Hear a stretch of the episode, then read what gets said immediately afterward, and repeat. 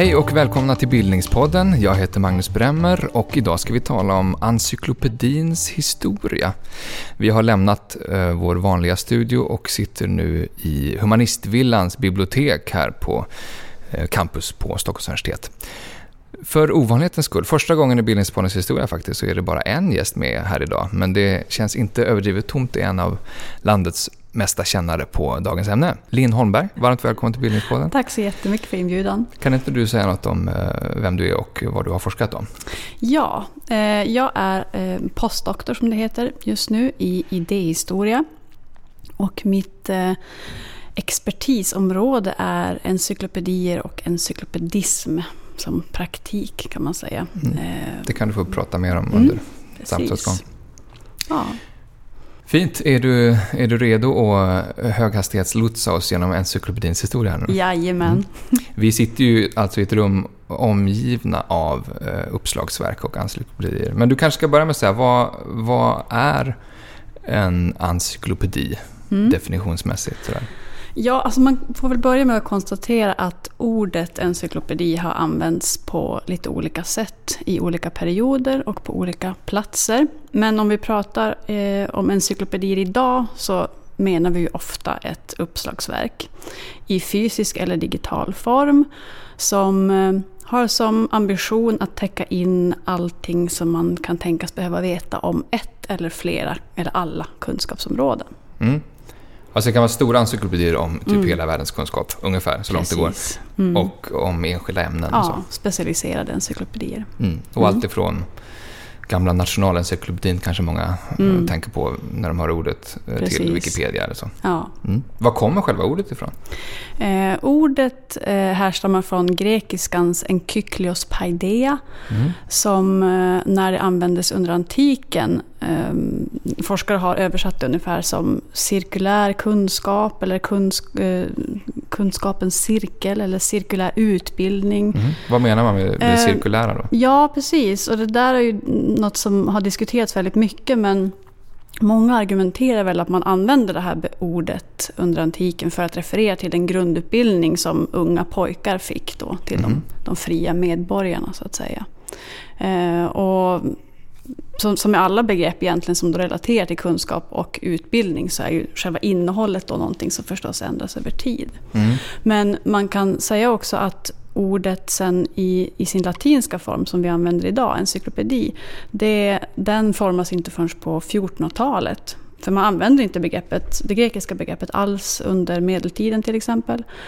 Och sen inför, införs det igen av eh, italienska humanister under 1400-talet. Och då har det mer betydelsen eh, universell kunskap eller eh, tanken på den abstrakta idén av all kunskap mm. samlad på ett eller annat sätt. Så det refererar inte till en bok vid den här tidpunkten. Okay. Men det, det cirkulära är både något som har med själva bildningsgången på något sätt att göra och ja. att, att samlandet av Exakt, kunskapen? Exakt, precis. Okay. Mm. Man tänker sig att man, man, man, stänger in det på något vis. Mm. Mm. Om man ska försöka ringa in eh, liksom, encyklopedins eller uppslagsverkets historia hur, hur, som fenomen, mm. går det att göra det? Liksom, hur lång historia har den i så fall?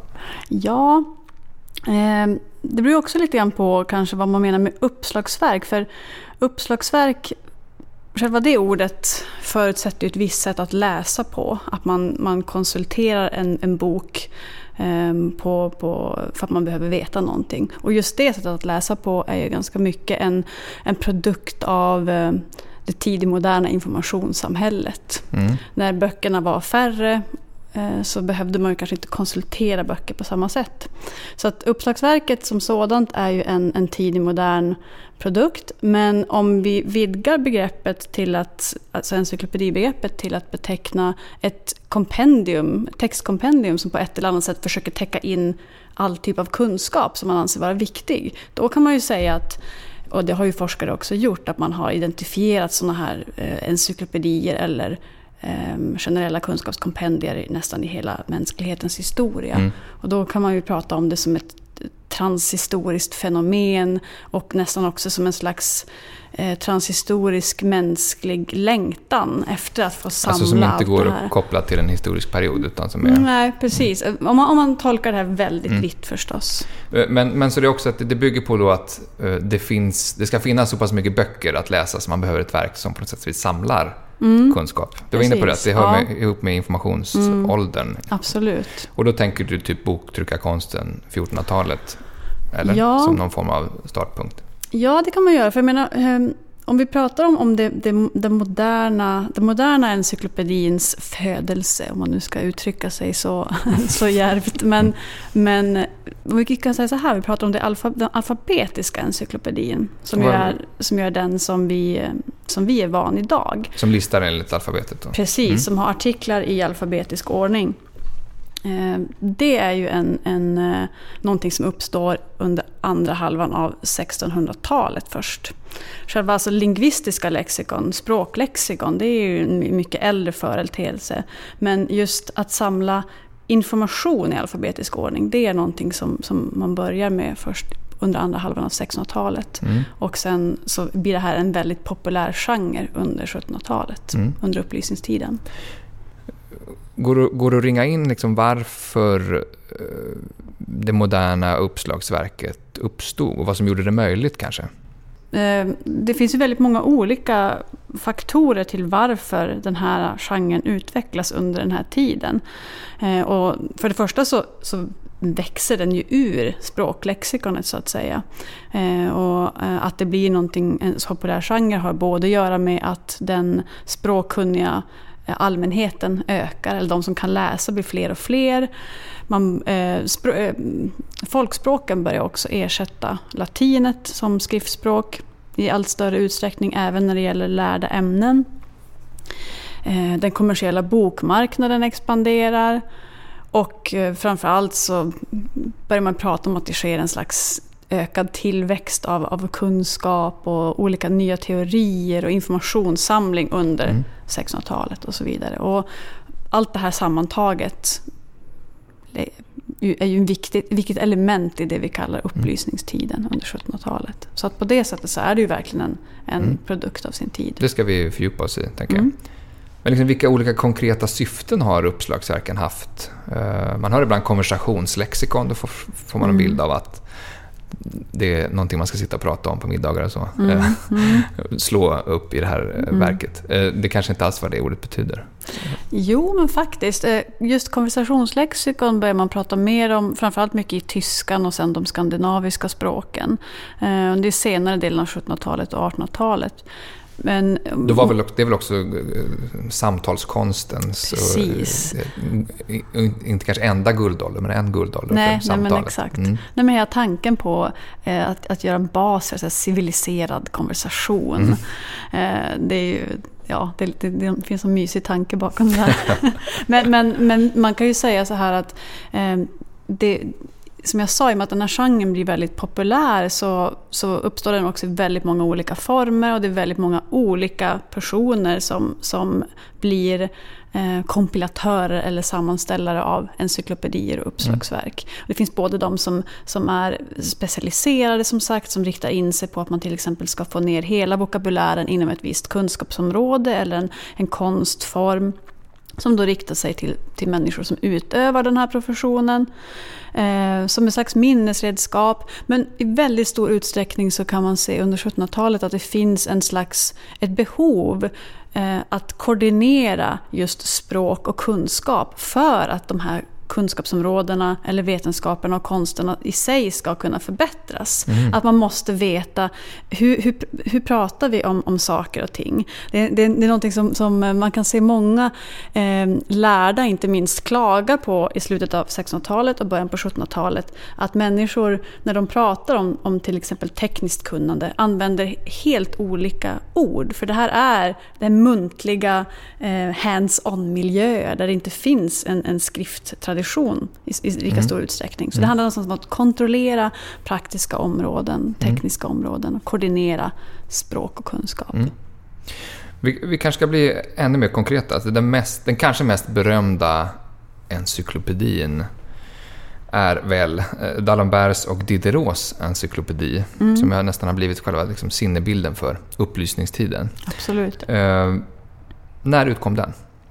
Eh, den utkom under en period av nästan 20 år. Eh, mellan 1751 och 1772. Mm. Och den, då, då utkom oftast eh, en volym åt gången eller ett antal volymer åt gången som det var lite senare. Men inledningsvis var det en volym åt gången. Mm. Totalt 28 volymer. 17 som bara innehöll text och 11 som innehöll illustrationer. Då var det bara bilder? I mm. Ja, det var dem. lite förklarande text också. Men, ja. men, men eh, bilderna förklarades i själva artikelvolymerna. Och mm. bilderna kom långt senare faktiskt, tio mm. år senare. Okay. Så att det var lite problematiskt. Vad, då fick man vänta på illustration. ja, precis. Vad, vad, vad förklarade den här boken? Liksom? Vilka typer av kunskaper? Eh, som en, en, en förnuftsgrundad universellt uppslagsverk över alla konster vetenskaper och hantverk så hade ju encyklopedin som ambition att täcka in allt, allt mänskligt vetande. Mm. Alla, alla olika former av eh, kunskapsgrenar. Så det var allt från naturalhistoria till praktiska mekaniska konstformer, eh, teologi, eh, fysik, matematik, musik. Allting mm. egentligen. Hur nytt var det här då? Ja, det är ju en jättebra fråga. För att ofta så kan man ju nästan när man läser eh, kanske lite så populär, populära framställningar om encyklopedin och upplysningen så kan man ju nästan få känslan av att, att Diderot, D'Alembert och det här filosofgänget satte sig ner för att att skriva de här artiklarna om allt mänskligt vetande from mm. scratch. Mm. Eh, men, men det, gjorde det är en bra de. historia. Ja, ja, men mm. visst, det är en väldigt bra historia. Men, men så var det förstås inte. Utan den här genren var som sagt redan väldigt etablerad. Eh, och de använde sig också i väldigt stor utsträckning av redan existerande uppslagsverk på den franska marknaden. Och på andra språk. För, eh, som källor och för att skapa så att säga den här listan av ord som man mm. sen definierar. Fanns det några också uppslagsverk som liknade deras ambition? Absolut. Eh, både i, i, framförallt i England och i Tyskland och, i, och, och tidigare i Frankrike. Eller man ska väl säga de franska, tyska och engelska. Mm, okay. Absolut. Men det, det som har gjort att den här blivit känd är eh, storleken och kopplingen till upplysningstänkandet? ja, sätt. Eh, den blev ju väldigt omtalad redan i sin samtid och var väldigt kontroversiell på många olika sätt. På ett sätt som inte, eh, om vi ska nämna några föregångare då, så har vi till exempel i eh, England John Harris Lexicon Technicum som var ett tekniskt lexikon då. Men också innehöll långa artiklar om många olika vetenskaper och konstformer. Och det här är tidigt 1700-tal? Det här är 1704 kom det ut. Mm. Och eh, A-Frame Chambers Cyclopedia och Universal English Dictionary of Arts and Sciences som kom ut 1728. Mm. Och det här var ju alltså eh, verkligen startpunkten för encyklopedin. För den började som en översättning av det här engelska verket. Alltså den franska? Den franska mm. encyklopedin, precis. Mm. Sen har vi ju Sedlers universallexikon i, eh, i Tyskland, eller de tyska småstaterna. Jag minns inte vilken stad han var aktiv i. Men eh, den utgavs ju, det var egentligen det absolut största uppslagsverket som gavs ut under hela 1700-talet. Mm. 68 volymer eh, gavs ut mellan 1700 30-talet tror jag och 50-talet. Så ungefär 20 år där med. Mm. Men, okay, men så det fanns mastodontverk även Ja, mm. absolut. Och sen framför allt då i Frankrike så har vi också redan jesuiternas Dictionnaire de Trevoux som den hette, mm. eller kallades i folkmun, som var det stora universella uppslagsverket över alla konster och hantverk som fanns innan encyklopedin gjorde mm. entré. Men, men eh, vilka var de här då? D'Alembert och Diderot? Vi kanske ska säga något kort om dem som ja, personer och filosofer. Eh, när de började jobba med encyklopedin, då runt 1746, eh, så var D'Alembert den som var den mer kände av mm. dem så att säga. Han var matematiker och medlem i den parisiska vetenskapsakademin. Hade publicerat ett antal memoarer som hade fått ett gott mottagande. Medan Diderot, eh, de var ju ganska unga också vid den här tidpunkten, slutet på 20-årsåldern eller någonting sånt om jag inte minns helt fel. Diderot han hade framför allt jobbat som översättare. Men hade hunnit börja precis publicera några av sina första filosofiska alster. Men mm. man kan inte säga att han hade hunnit göra ett namn av sig mm. själv i de lärda kretsarna i Paris än vid den här tidpunkten. Och idag är han kanske det, det mer kända namnet Precis, mm. absolut. Och de, eh, de var stammisar på ett café som heter Prokop som man kan ja. besöka fortfarande. Jajamän. Det... Kan du inte beskriva den miljön? Ja, det är ju ett Då fantastiskt alltså. café. Ja, ja, men precis. Det finns ju kvar fortfarande. Jag har varit där mycket själv. Men, men det var ju ett av de äldsta litterära kaffehusen i Paris som um, som grundades redan på 1680-talet av någon, någon, någon, italiensk restaurangägare om jag minns rätt. Och det här blev lite som en hubb eh, av, av många förstås. En, en hubb i det här kvarteret på, på Seines vänstra strand, alltså den, den eh, södra stranden då. Eh, kvarteret som kallas Saint-Germain-de-Pré, mm. som vi kanske idag mest tänker på fotbollslag när vi hör. Men, Ja, ehm. och, och eh, apropå kaféliv, eh, Sartre och Beauvoir eh, hängde på Café ja, de Flore som ligger ganska nära. Precis. Det, det, det intellektuellt kaféliv har uppenbarligen en ganska lång historia. Där. Ja, och det här var ett sånt där ett område kan man säga, där det var mycket, mycket kaffehus, tavernor, mycket konstnärer, teatrar och så vidare. Mycket boktryckare också i det här, det här mm. området. Och det här var ett, ett, ett kaffehus då där framförallt män samlades. Lärda män, konstnärer, skribenter, gentlemän, adelsmän för att träffas, diskutera, läsa tidskrifter, skvallra, sprida information mm. och dricka kaffe mm. förstås då, som var en sån här ny exotisk eh, vara från kolonierna. Det var bara kaffe som dracks? Nej, det dracks nog te också. Mm. Eh, men, men det, det, måste jag erkänna att jag inte har så jättemycket koll på exakt vad man, vad man drack och åt. Kanske men... inte helt avgörande för encyklopediarbetet, men, ja. ja. men ändå platsen var ju uppenbarligen en, ja. en, en, en, viktig för, för de här kretsarna. Absolut, och här samlas verkligen alla de här människorna som man brukar förknippa med den, den franska upplysningen. Inte bara Diderot d'Alembert, men också Rousseau, Voltaire, eh, Benjamin Franklin, Thomas Jefferson. Alla hängde på, på mm. Prokop vid, mm. vid ett tillfälle eller annat. Kan man säga att det är liksom upplysningstänkandet förkroppsligat den här miljön? En tidig form av offentlighet, eh, samtalet eh, för förnuftet mm. och eh, liksom... Eh. Ja, det är ju den bilden vi har någonstans också av det här häftiga sekulära filosofgänget som var de här fritänkarna och lite rebeller på, på det där sättet. Men, men det här var ju verkligen inte den enda miljön som var en sån här viktig intellektuell mötesplats i Paris under den här tiden. Utan det var ju många av de här gamla miljöerna var fortfarande viktiga lärda mötesplatser som, som biblioteken och till och med kloster, klostermiljöer. Mm. Eh, bokhandlarnas butiker, tryckerier, mm. museer, eh, anatomiska teatrar och så vidare, mm. parker. Mm. Så att eh, det fanns, fanns många fler miljöer där, där andra människor också rörde sig så att säga. Men hur kom den här encyklopedin till? Ja, men här, här är det ju väldigt intressant att, att, ehm, att notera det att encyklopedin ju faktiskt började som en översättning av ett annat arbete av den här mm. A-Frame Chambers Cyclopedia och or Universal English Dictionary of Arts and Sciences som jag nämnde tidigare. Mm. Och det var, det, var ett, eh, det, var, det var ett uppdrag som D'Alembert och Diderot fick? Ja, och, och, och de var inte ens första valet så att säga. Mm. Eh, utan det här började egentligen med att det var en, en, en engelsman och en, en, en tysk eh, skribent hette John Mills och Gottfried Sellius som mm. kom in med det här förslaget till en bokhandlare i Paris som mm. hette André Le Breton.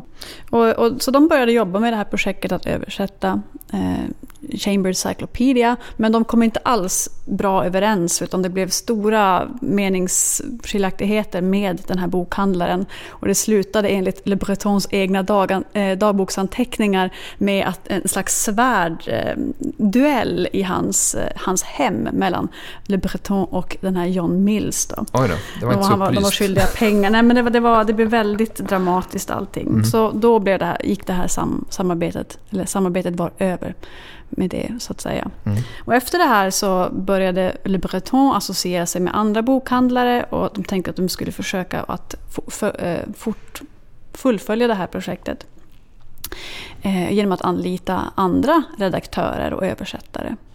Och då vände man sig först till ytterligare en, en annan redaktör som var matematiker i Vetenskapsakademin som mm. hette Jean-Paul de Gaia de Malve som blev huvudredaktör.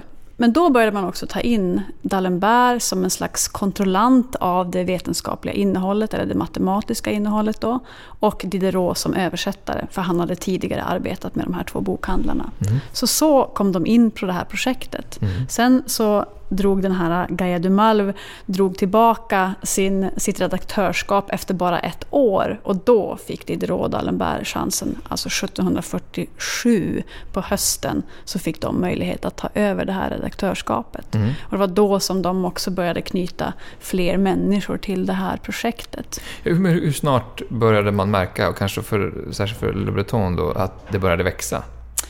Det var ju någonting som hela tiden var eh, en, en, en plan.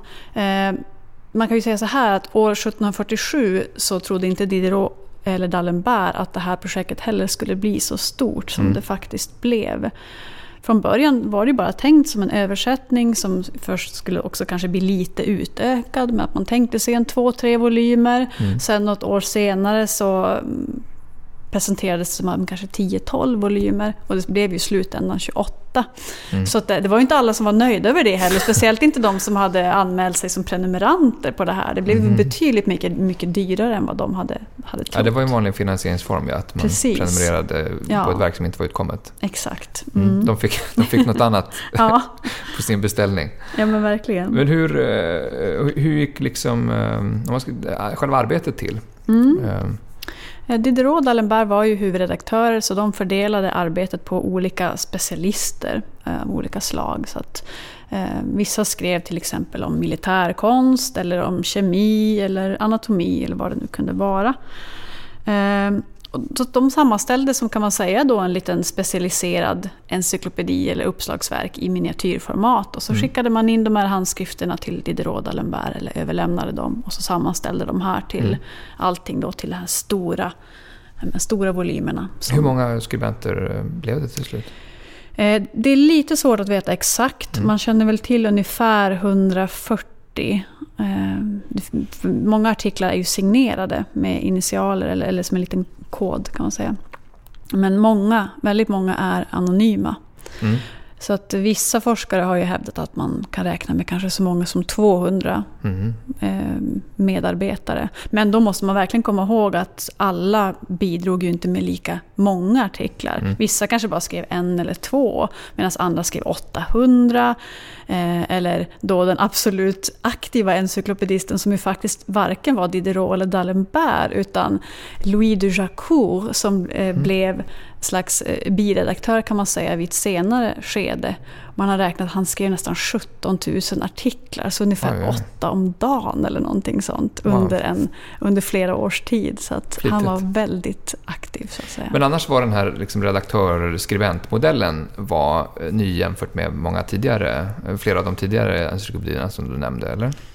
Ja, eh, Harris och Precis, då där pratar vi ju om verk som hade bara en sammanställare och en redaktör. Mm. Men det fanns ju andra också som, som hade medarbetare, men som kanske var tysta medarbetare så att säga. Men inte mm. på, på det här sättet att det också presenterades som en eh, ett verk som hade sammanställts av ett sällskap av, av lärda män. Som mm. till och med står i, i titeln på, mm, mm. på den stora franska encyklopedin. Mm.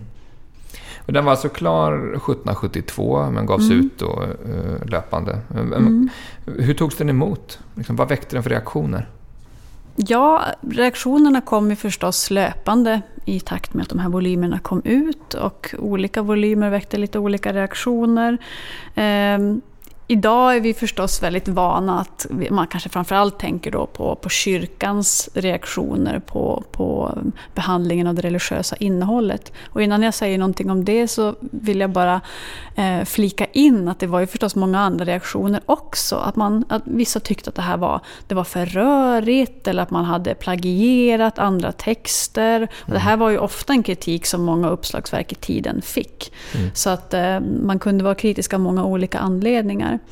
Men eh, en sak som också människor reagerade på var att encyklopedin till skillnad mot för många tidigare verk la så väldigt mycket krut på de just mekaniska och praktiska konsterna och hantverken. Mm. Alltså verkligen eh, basarbeten. Liksom allting från, från snickaren eller bagarens mm. arbete. och ja, och det här var, vissa tyckte att det här det eh, finns något sånt där känt citat om just att hur mycket tid man lägger ner på att beskriva perukmakarens arbete. Mm.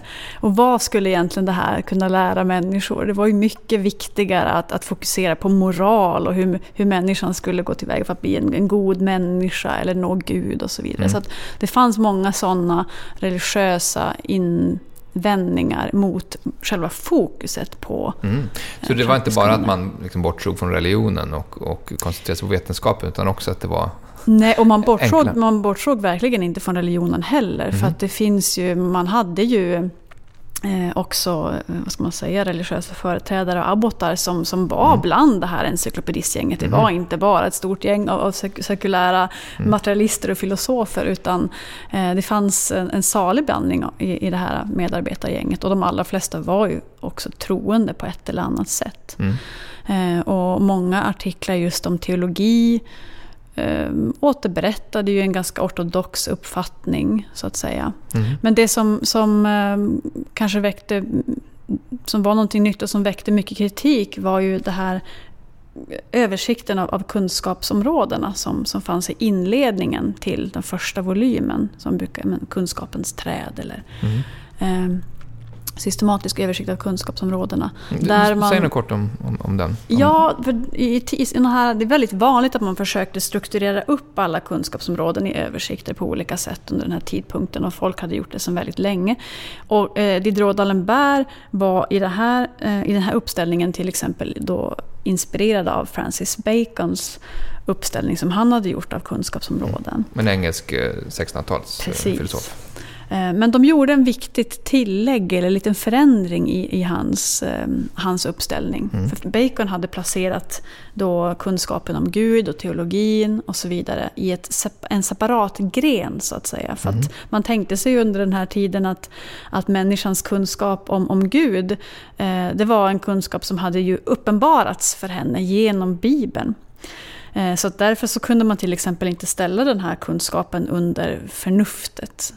Men det Diderot D'Alembert gjorde var att just placera in teologin under förnuftet och under filosofin. För deras kunskapsträd ut, utgår man från människans tre sinnesförmågor kan man säga. Mm. Eh, minne, förnuft och eh, fantasi eller föreställningsförmåga. Mm.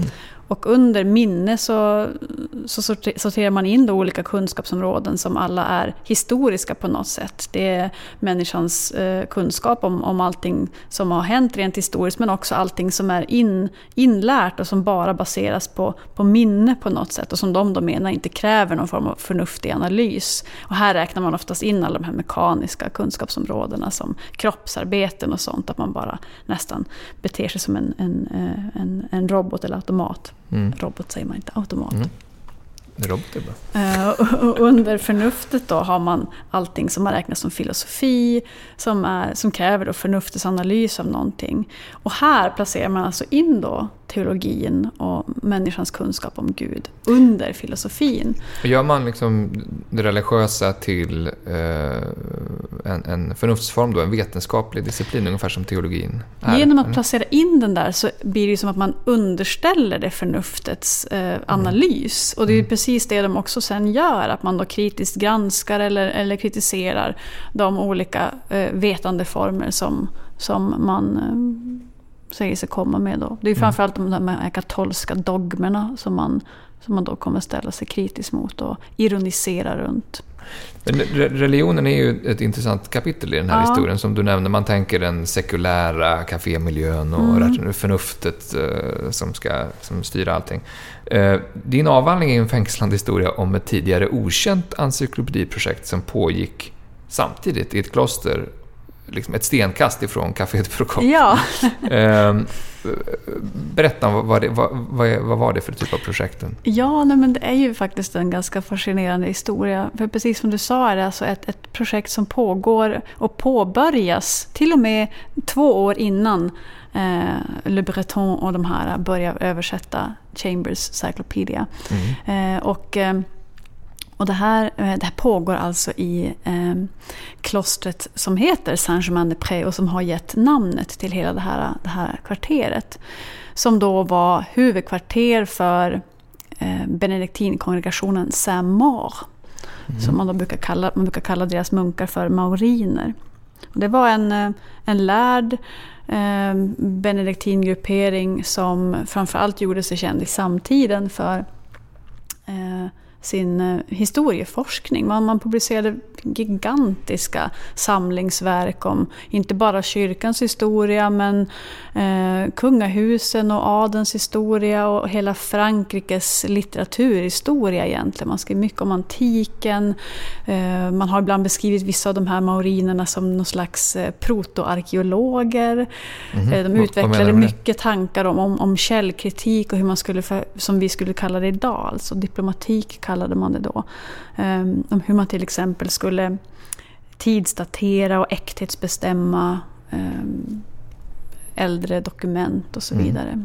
Handskriftsanalys och sånt där. Så att, För att, att bokproduktion var vanlig i klostren, det, Mm. det, det, det är en sak, men i det här fallet så verkar det handla om en, en, en mer upplyst form av eh, projekt, eller? ja, nej men, och, och det... Som vi tänker oss det upplysta. Ja, men precis. Att det, här, det som händer med de här maorinerna och deras verksamhet, för de, den här kongregationen inrättas redan på, på tidigt 1600-tal. Och under hela 1600-talet så var deras verksamhet i väldigt stor utsträckning verkligen fokuserad på den här klassiska kristendomshistoriska eh, sfären. Men under 1700-talet så ser man att, att eh, deras verksamhet förändras väldigt mycket och sekulariseras på många sätt.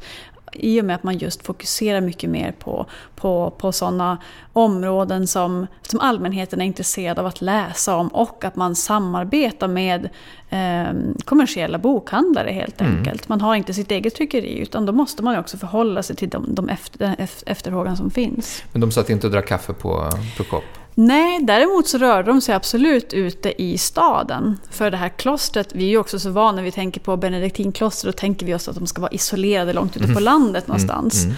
Men det här klostret låg ju, och Mitt ligger fortfarande mitt i smeten, mitt Mm. i den urbana miljön. Och det Mm. var inte en ovanlig syn att man såg just de här benediktinmunkarna gå ute på, Mm. på Paris gator och röra sig mellan bokhandlare och så vidare. Och vad innehöll eh, deras encyklopedi? Eh, den innehöll ju i stort sett eh, samma sak som, som, som många andra un, un, stora uppslagsverk under den här tidpunkten. Det är matematik och det är fysik och det är naturalhistoria. Och i likhet med encyklopedisterna så gav man väldigt stort utrymme också för de mekaniska och praktiska konsterna. Vilket ju är, är väldigt spännande för det här är ju någonting som man brukar ofta se som en av de stora innovationerna och nyheterna som, som encyklopedisterna kommer med sitt verk. Och att de hade det här nyttotänket, att man hyllade just de här, det här, för här har vi grunden för hur vi bygger eh, nationens rikedomar. Särskilt man tänker kanske att, att eh, eh, två klostermunkar ska vara mer orienterade mot det himmelska än det jordiska. Ja, det är ju verkligen det man, man tänker sig. Eh, och just hur de förhåller sig till, till religion och eh, metafysik, etik och politik. Sånt, allt det där som gör encyklopedin så snaskig på många sätt och som gör att den, den, blir så, den blir så rolig att läsa idag. Eh, där väljer de här munkarna en slags tredje väg kan man säga. För att jag har ju pratat om, om jesuiternas Dictionnaire de Travaux Mm. som alltså hade utkommit under hela 1700-talet och som var det här stora uppslagsverket som fanns på marknaden när både då maurinerna och de här encyklopedisterna mm. påbörjar sina arbeten. Men det så, var ett tydligt religiöst upplagsverk? Ja, eh, det, det, var ju liksom... Eh, de skriver, jesuiterna skrev ju till exempel i förordet att man hade en, en, en katolsk eh, försvarslinje så att säga. De hade ju i sin tur andra uppslagsverk som de konkurrerade med och det var ju de protestantiska uppslagsverken mm. då, som hade med en sån, sån linje så att säga. Men visst hade man också en att man ville verka mot tendenser i samtiden som ja. inte var så uh, gudfruktiga kanske.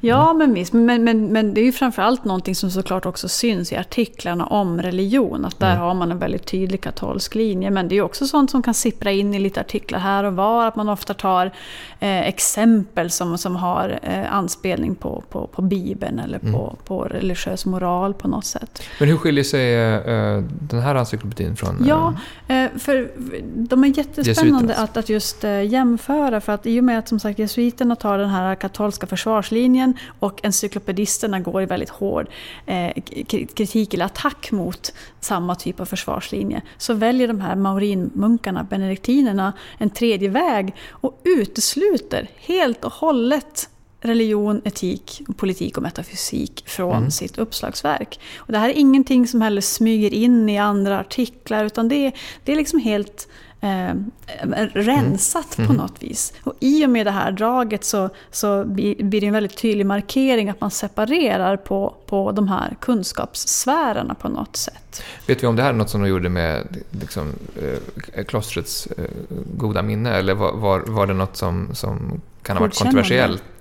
Eh, det där är ju jättesvårt att, att uttala sig om med stor säkerhet men i och med att det här projektet eh, pågick i det här klostret i ett årtionde eller mer mm.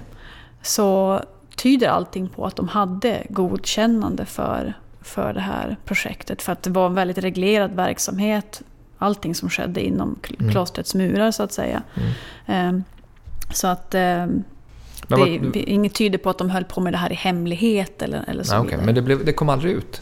Nej, det gjorde inte det. De blev aldrig färdiga, utan det här projektet lades ner. De började någon gång där runt 1743 ungefär. Och sen så lades projektet ner ungefär 1754-55 däromkring. Mm. Och det är ju precis då eh, encyklopedins volymer, den tredje eller fjärde volymen har kommit ut och man börjar kunna prata om att det blir en kännbar kontrovers runt de här, de här volymerna. Mm. Det kommer mycket kritik som jag tidigare sa på att um, att man kanske fokuserar för mycket på det praktiska istället för, att, eh, för, för det religiösa eller moraliska. Och mm. mot den bakgrunden kan det vara, skulle det kunna vara en anledning att projektet inte blev klar. För att i och med att encyklopedin blev så, eh, en sån inflytelserik röst så var... Du menar den um, stora? Ja, den mm. stora.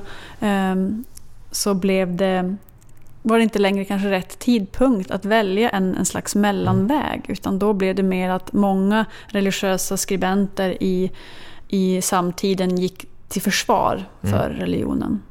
Vad tycker, du om, vad tycker du är det mest fascinerande med den här, det här tidigare okända eh, parallella encyklopediprojektet? Ja, det jag tycker är mest fascinerande är ju just att, att den den nyanserar lite grann den här bilden av, av vad vi tänker att upplysningen är. Mm. Och vad det var under 1700-talet. Och att, Hur då? Eh, jag menar att just den här längtan efter att, att sprida bildning på ett eller annat sätt. Att det är någonting som är så väldigt utspritt. Eh, och det här förnuftsgrundade, att rationalisera och att systematisera. Eh, men att också som sagt intressera sig för, för, för samhällsnyttan. Att det här är ett stort projekt som man, man håller på med, med kollektivt helt enkelt. Att, att man, man tänker sig att man beskriver alla kunskapsområden och man försöker, som jag sa, det med att koordinera språk och mm. kunskap. Och, eh, att, att på något vis inventera i alla kunskapsområden. Vad är det vi kan här? Vad, vad, vad är det som behövs? Så att allting görs som, som i en med ambition att förbättra de här områdena. Mm. Och, och där är inte encyklopedisterna ensam. De är, de är del det faktum att de ens tillkommer, så att säga, de här filosoferna, är ju för att det redan finns en mycket bredare typ av rörelse och intresse för de här frågorna. Det mm. finns redan en stor kommersiell marknad. Och eh, att maurinerna gör som, som de gör, att de tar det här det här mellanvägen så att säga visar fortfarande på en väldigt stark sekularisering. Att man inte låter religionen eh, tränga in och bestämma över de andra kunskapsområdena.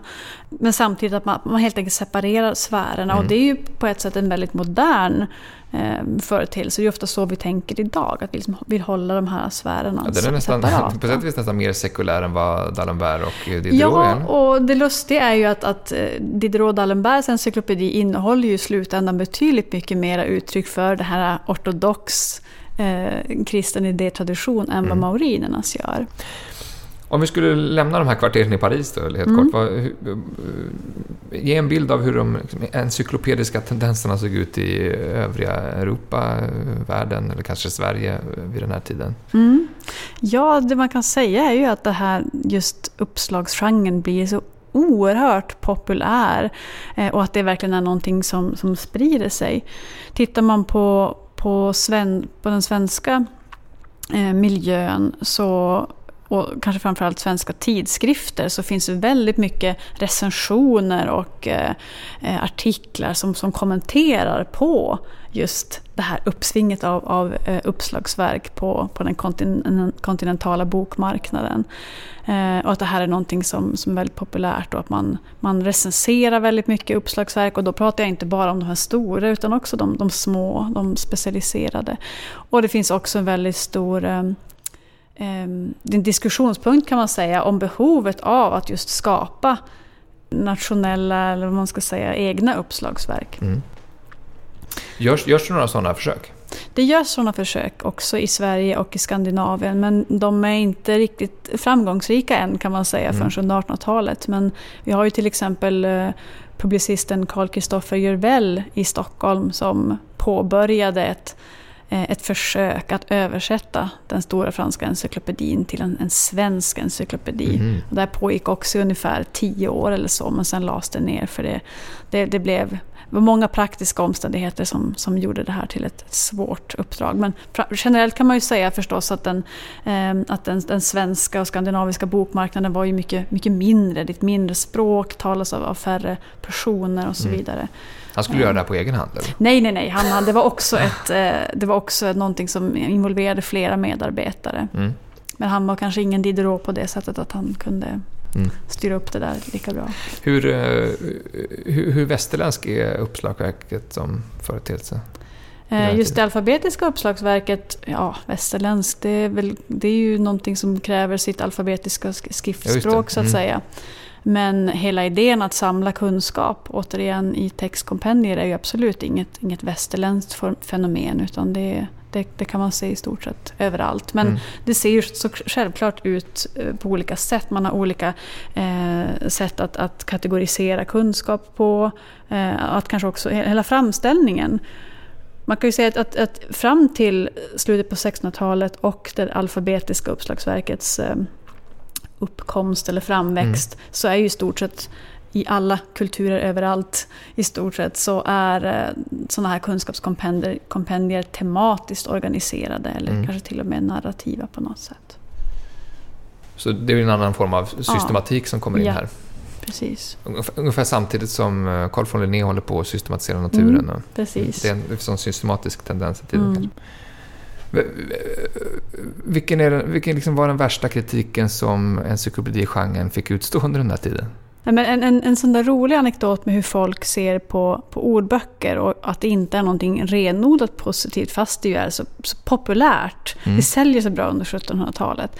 Eh, det är ju att man just in, man oroar sig för vad ordböckerna kan göra i fel händer, så att säga. Mm. Man tänker sig att ordböcker är, är bra verktyg för de som redan är bildade och kan använda dem på rätt sätt. Men för obildade människor så kan ordböcker vara, och därmed då tillgängliggörandet av viss typ av kunskap kan vara farligt.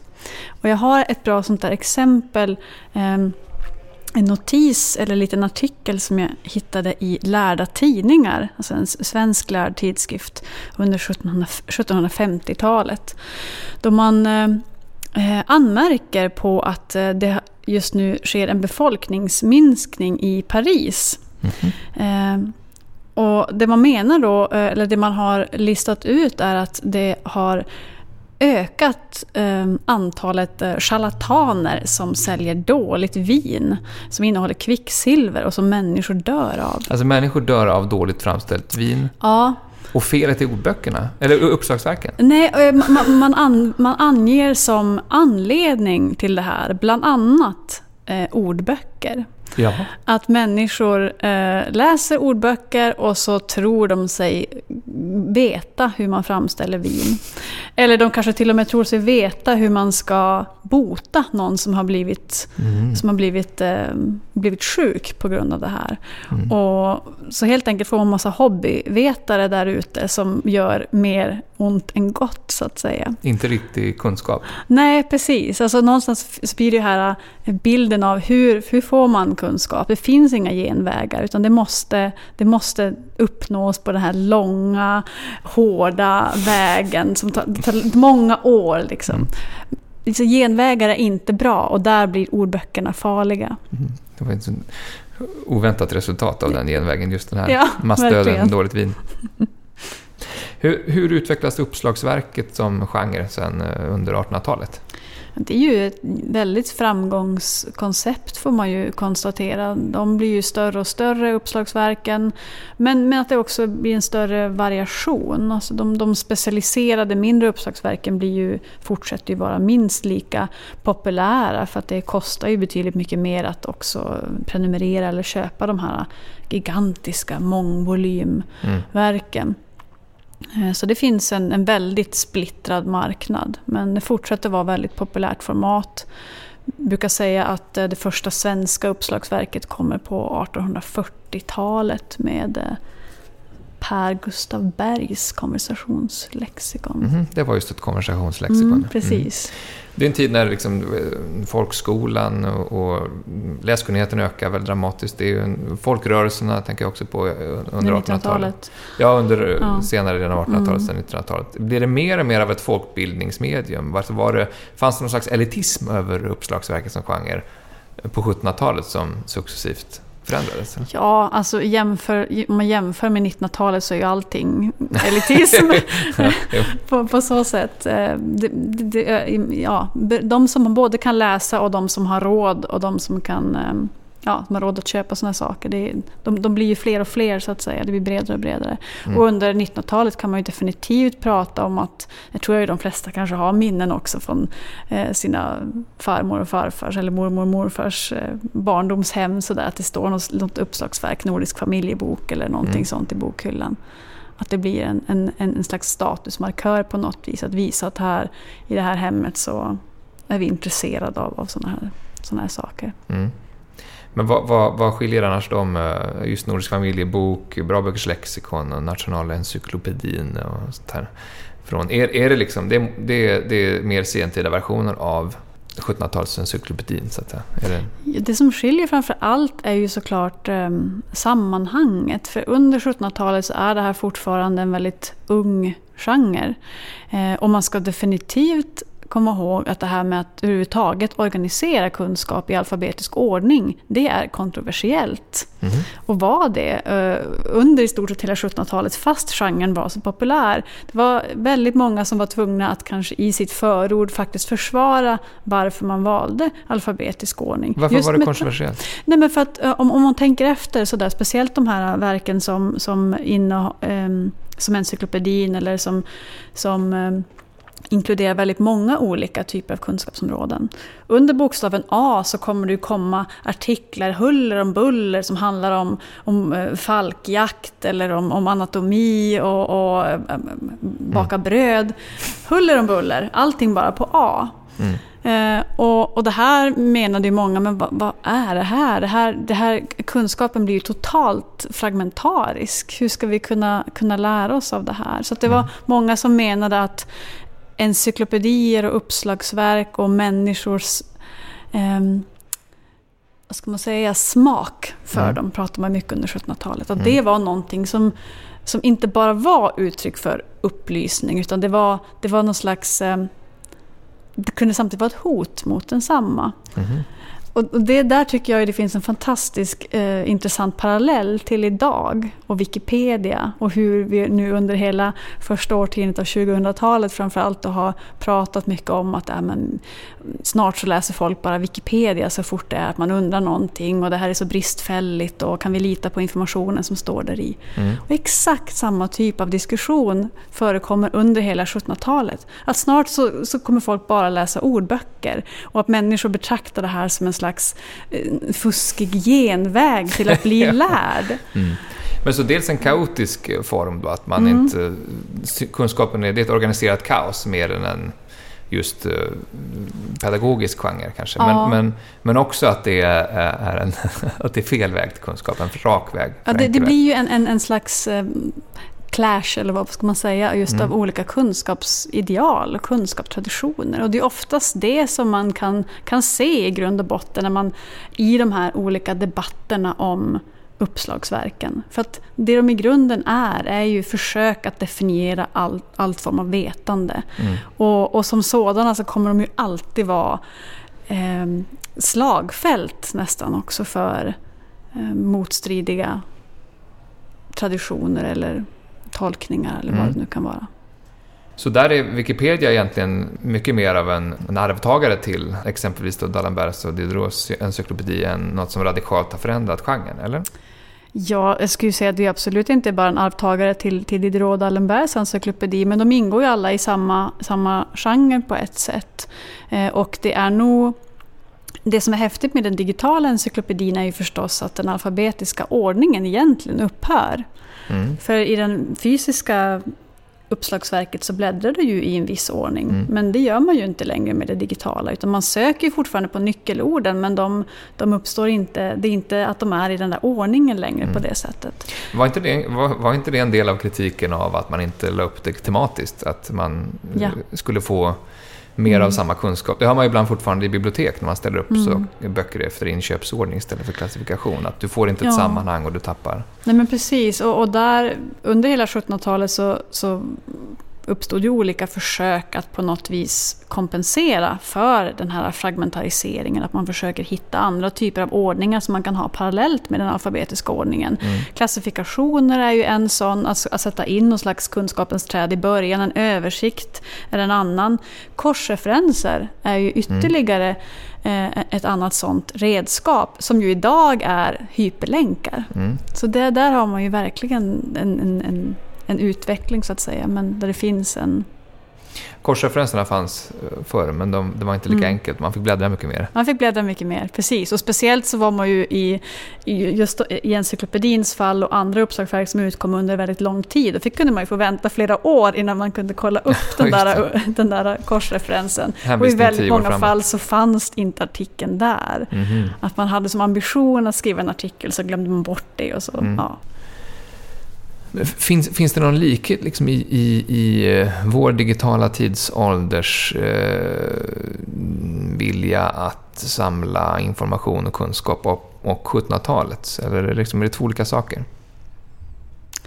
Eh, det är definitivt inte två olika saker. Man brukar ju prata om 1700-talet som den, den, den, tidiga informationsåldern och nu lever vi i en annan typ av informationsålder med en ny typ av informationsexplosion. Och det är ju alltid relativt förstås hur man, hur man upplever den explosionen. Men man kan ju konstatera att människors längtan efter total kunskap är ju inte synonymt med eh, alla to alltså total information eller totala obearbetade eh, erfarenhetsintryck på något vis. Utan kunskap är ju per definition en bearbetning av av alla dessa intryck och den här råa informationen på något vis. Mm. Så i den bemärkelsen så är ju ehm, behovet av encyklopedier eller encyklopediska texter och projekt någonting som vi fortfarande har. Mm. For, fortsatt ett stort behov och kommer väl alltid vara det så länge vi vill leva i ett ordnat samhälle på något sätt. Har du någon annan sån reflektion över om du själv använder Wikipedia eller motsvarigheter eh, liksom i ett historiskt ljus? Vad det är som har förändrats? Nej, men det, det gör jag väldigt mycket. Jag använder ofta Wikipedia när jag bara ska kolla upp saker. Och då brukar jag tänka också på de röster som, som försvarar ordboksgenren under 1700-talet. Mm Som till exempel eh, en av de här munkarna som jag nu inte nämnde vid, vid namn. Men eh, Penetti och Bressiac hette de ju. Mm. Som, det var de två som gjorde den här ja. klostret i Paris. Mm. Eh, han publicerade ju andra ordböcker senare när det här projektet hade lagts ner. Och i ett av de förorden så, så kommenterar han på det här att, att, att just idag så är det väldigt kontroversiellt med, med, med, uppslagsverk och alla diskuterar fram och tillbaka. Är det här bra? Är det dåligt? Um, och många säger att snart så kommer folk bara att lära sig genom att läsa uppslagsverk. Och, uppslagsverk, och vad, vad får vi för typ av, av kunskap eller bildning av det? Mm. Men då säger han att um, Visst, vissa människor kommer läsa på det sättet. Men för de som är verkligen nyfikna och som vill lära sig, då kommer ordböckerna bara vara just det de är menat att vara. Att vara en ingång. Att man, att man kan få referenser till var man kan söka djupare kunskap. Mm. Att man kanske bara behöver få den här lilla första definitionen och sen få information om var man kan vända sig därefter. Mm. Och på ett sätt kan man väl säga likadant med Wikipedia idag. Att i många fall kanske man bara behöver få ett litet hum om vad någonting är. Men vill man verkligen lära sig mer om någonting, då räcker det inte att läsa Wikipedia. Det räcker inte att läsa encyklopedin eller nationalencyklopedin heller. Så mm. det är den röda tråden. Det blev fina slutord. Eh, mm. Tack Linn Holmberg. Tack så jättemycket. Och tack ni som har lyssnat. Eh, vi är tillbaka om en vecka igen med ett nytt avsnitt. Ni kan ju gå till vår eh, systematiserade kunskapsbank i form av våra tidigare avsnitt, bildningspodden.se. Scrolla runt och lyssna lite. Eh, ni kan också skicka ett mejl till bildningspodden su.se med nyhetsbrev i ämnesraden så får ni vårt nyhetsbrev. Tack och hej!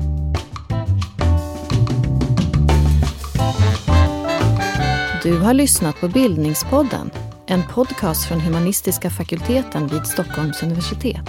Producerad av Magnus Bremmer och Claes Ekman.